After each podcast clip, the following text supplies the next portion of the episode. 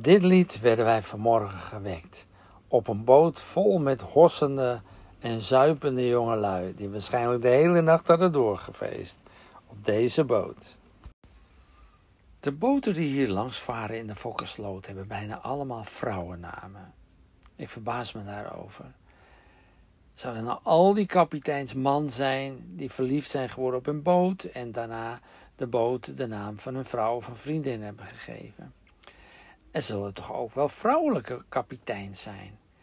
En homokapiteins. En mensen die dol zijn op een huisdier.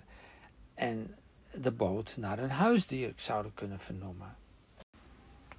Onze buurman heeft een bloederig doekje hangen onder zijn voorluifel.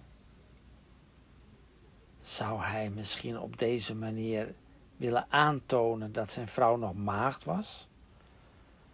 Of is het ter afschrikking bedoeld? Van kijk uit, ik heb mijn mes afgeveegd van het bloed van iemand die mij wat wil aandoen? Of heeft hij het bloed afgeveegd van een vis die hij vermoord heeft? Tussen de regenbuien door hebben we een mooie wandeling gemaakt in het Urnewald, vlakbij het dorpje Urnewald. Dat is een moerasgebied met ook wat bos, maar overal is water. Als je daar loopt, dan soppel je in het water.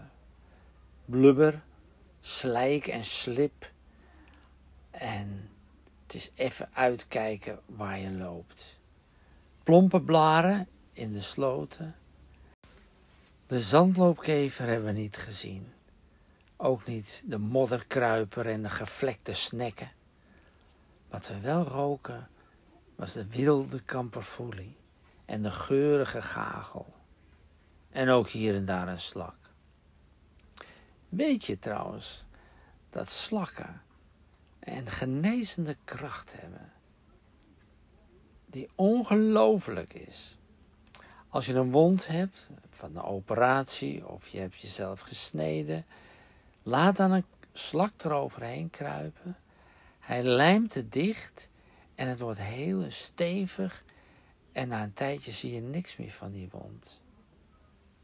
Verbazend toch? Dit kan ik wel eens even vertellen aan onze buurman.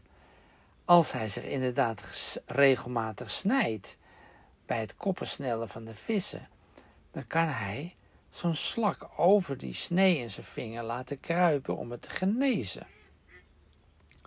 En hij kan natuurlijk ook die slak over het gezicht van zijn vrouw laten kruipen. Misschien knapt ze er wel een stuk van op.